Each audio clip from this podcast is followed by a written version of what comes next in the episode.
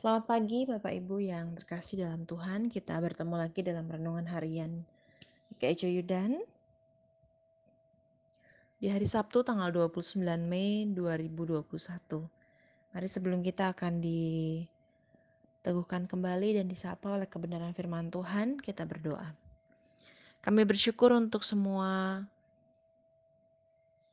pengalaman yang sudah Tuhan izinkan terjadi dan pagi ini, hari ini ketika Tuhan membangunkan kami kembali, kami percaya pengalaman-pengalaman baru akan Tuhan berikan untuk mendidik kami semakin hidup mengalami kasih sayang Tuhan setiap hari. Biarlah firman Tuhan hari ini menolong dan memimpin kami dalam seluruh kehidupan yang akan kami jalani. Demi Kristus Yesus, amin. Bapak Ibu yang terkasih, firman Tuhan hari ini terambil dari Yesaya pasal yang kelima ayat 15 sampai 24, tetapi yang akan menjadi nats kita adalah ayat 15 sampai 16. Yesaya 5 ayat 15 sampai 16 saya akan membacakan bagi Bapak Ibu sekalian.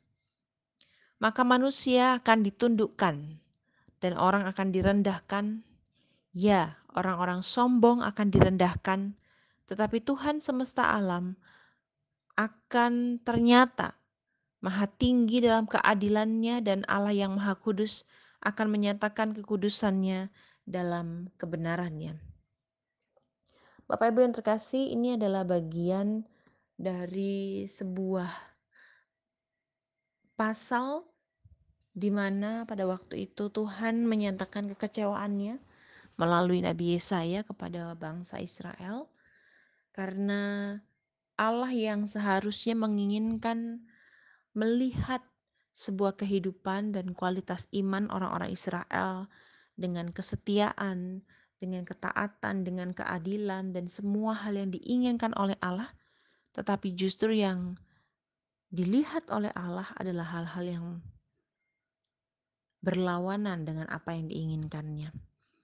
Allah mendapati bahwa bangsa Israel yang disebut sebagai kebun anggur Tuhan yang setiap hari dirawat, dikasihi sedemikian rupa, justru malah memperlihatkan sebuah kualitas kehidupan iman dan sosial yang sungguh sangat mengecewakan.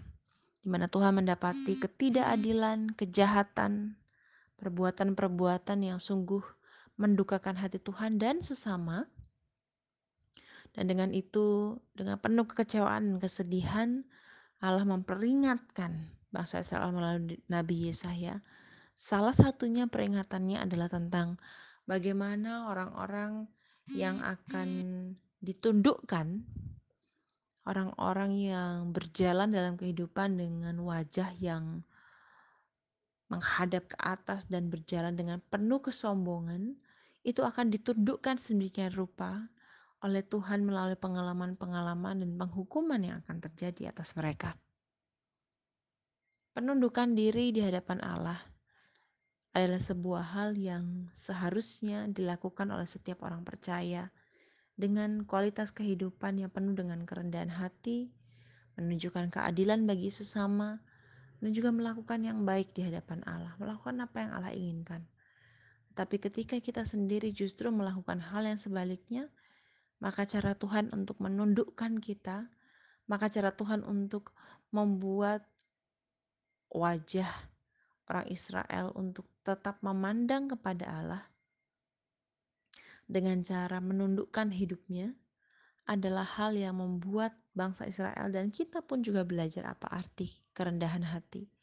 Karena pada akhirnya hidup ini bukan tentang apa yang sudah kita buat dan apa yang kita buat, tetapi tentang apa yang ingin Allah lakukan dalam kehidupan kita.